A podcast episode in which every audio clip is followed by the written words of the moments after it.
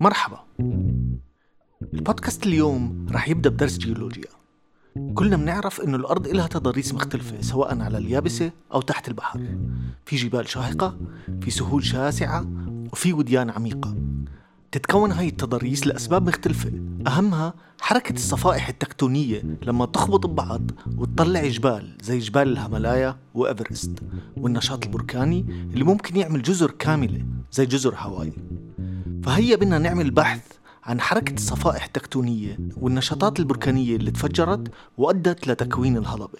مطرب الشباب الأول على مدى 38 سنة السابقة الأستاذ عمرو دياب. يتعلموا يتعلموا. من رقة دي يتعلموا. شوف هما فين وحبيب. قبل ما يتحول لظاهرة جيولوجية معتبرة عمرو إجا من عيلة عريقة في قرية سنهوت في محافظة الشرقية في مصر. أجداده توارثوا منصب العمدة في هاي القرية على مدى أكثر من 200 سنة.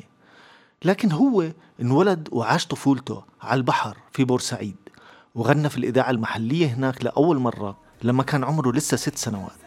واضح إنه الشاب ما كان قادر يستنى. مش عادية يجي هنا جنبي يجي ليا. له اللي على كل حال قبل ما أنسى حالي بالحكي خلوني أقول أهلا وسهلا فيكم في بودكاست ليش أسمع؟ البودكاست الخفيف اللطيف اللي بستغيب فيه معاكم بعض أهم الموسيقيين والموسيقيات في المنطقة العربية والعالم. وبحاول أقدم نقد موضوعي خفيف لأعمالهم وتحليل لأثرهم على المشهد الموسيقي وعلى المجتمع بشكل عام. فسواء اتفقتوا معي باللي رح أقوله أو ما اتفقتوا بتمنى دائما إنكم تستمتعوا بالحكي وما تنسوا إنه الكلام كله مطروح للنقاش. فتواصلوا معنا من خلال وسائل التواصل الاجتماعي والكومنتات واحكوا لي رأيكم. إذا بتحبوا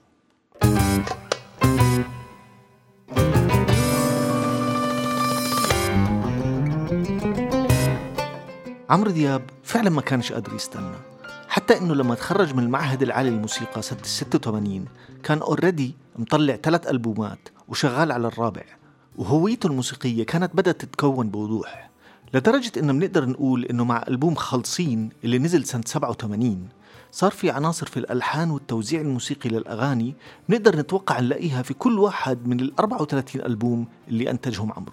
زي مثلا صوت الزقفة والصنجات اللي بتيجي مع الإيقاع المقسوم أو البلدي اللي كان موجود في الغالبية العظمى من الألبومات والبحث المتواصل والحثيث عن شو هي الموضات والستايلات الموسيقية والشكلية مش اللي الشباب بيحبوها اليوم بس اللي الشباب ممكن يحبوها السنة الجاي. وهذا هو اللي خلى عمرو دياب دائما في مقدمة القطيع على مدى أكثر من 20 أو 30 سنة من عمره الموسيقي. ومن كام سنة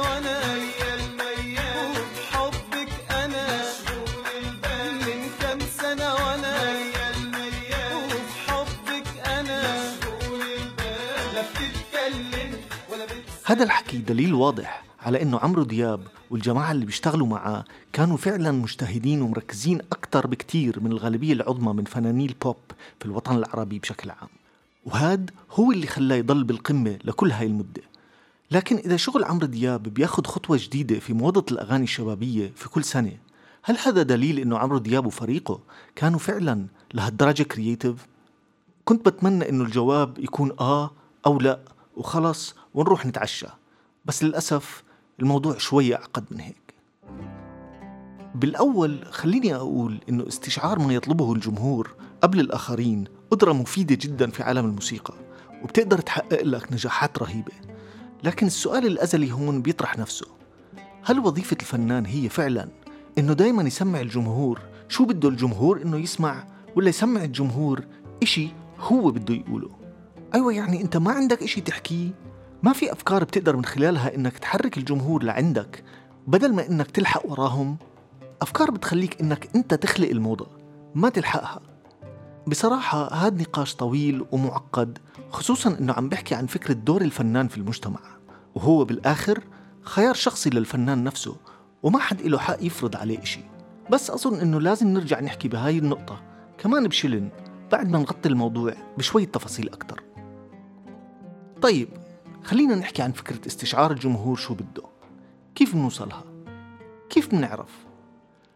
ممكن نعمل أبحاث اجتماعية وأنثروبولوجية عميقة ونعمل استطلاعات رأي موسعة نقدر نعرف من خلالها شو توجهات الشباب العاطفية والموسيقية والرقصية للسنة الجاية.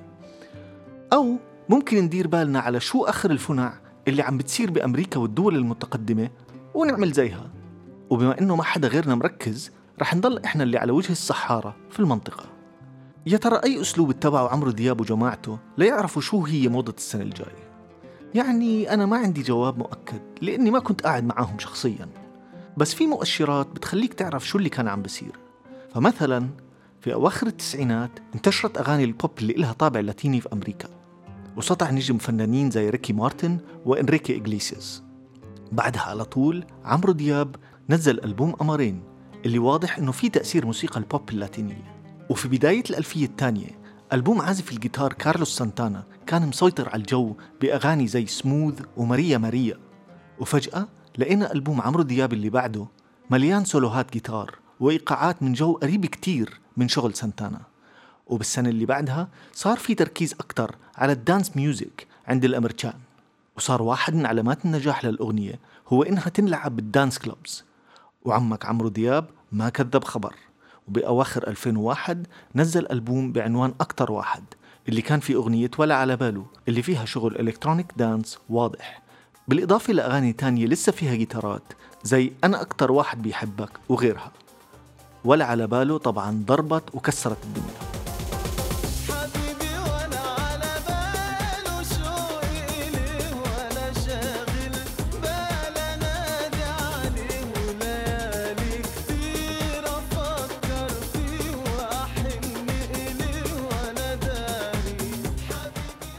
المهم أظن الفكرة وصلت.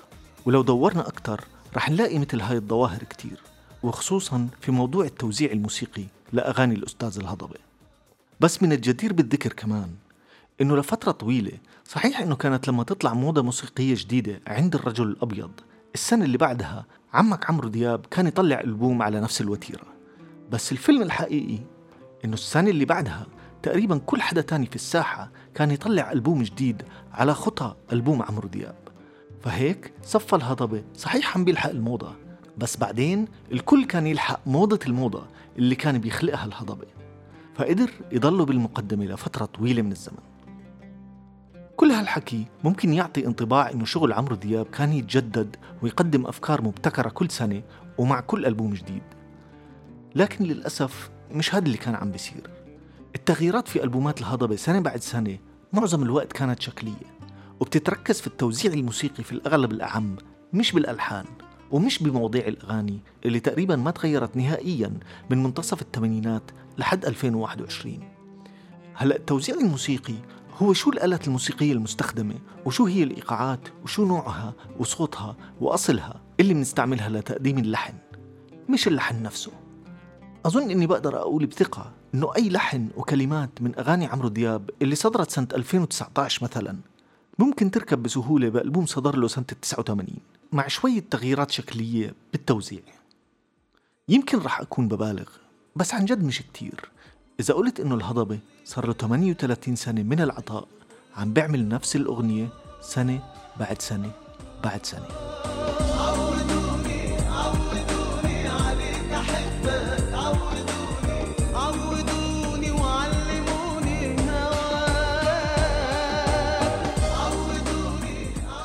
كتير منكم رح تكونوا بتفكروا هلأ إني زودتها. كيف بحكي هيك عن مغني محبوب من عشرات الملايين في الوطن العربي وفي العالم؟ الحقيقة إنه كلامي هاد هو من أهم الأسباب اللي بتخلي الهضبة محبوب عند عشرات الملايين. في سر معروف عند كل شركات الإنتاج الكبيرة والموسيقيين اللي بيشتغلوا معاهم سواء في منطقتنا أو في كل العالم. السر بتلخص بكلمة واحدة المألوف أو بالإنجليزي familiarity. وهو يعني إنه اللي بيضمن لك أغاني ناجحة سنة بعد سنة وألبوم بعد ألبوم هو إنك دايما تقدم ألحان حتى لو كانت جديدة شكليا تضل مألوفة عند المستمع. لما يسمعها يحس إنها سلسة ومستساغة وحاسس إنه سمعها من قبل بس مش عارف إمتى. فبتعلق بمخه بسهولة وبحبها لإنها ما طلبت منه أي جهد. إشي هيك تقريبا زي الملوخية اللي بتعملها أمك. كل أسبوعين ثلاثة أمك بتعمل ملوخية. انت بتحس انها اذكى ملوخية بالعالم. تاكلها وبتوصلك لإحساس مألوف بالراحة. وبكون عندك مشكلة كبيرة إذا الست الوالدة قررت في يوم من الأيام تعمل تغييرات جذرية بطريقة طبخها للملوخية. وبتصير مصيبة قد الدنيا. مشكلتي هون ويمكن تكون مشكلتي أنا لحالي. هي إنه عمرو دياب مش أمي. ومش مفروض من وجهة نظري على الأقل إنه وظيفته تكون أمي. والأهم برضه إن الموسيقى والغنى بنظري مش ملوخية.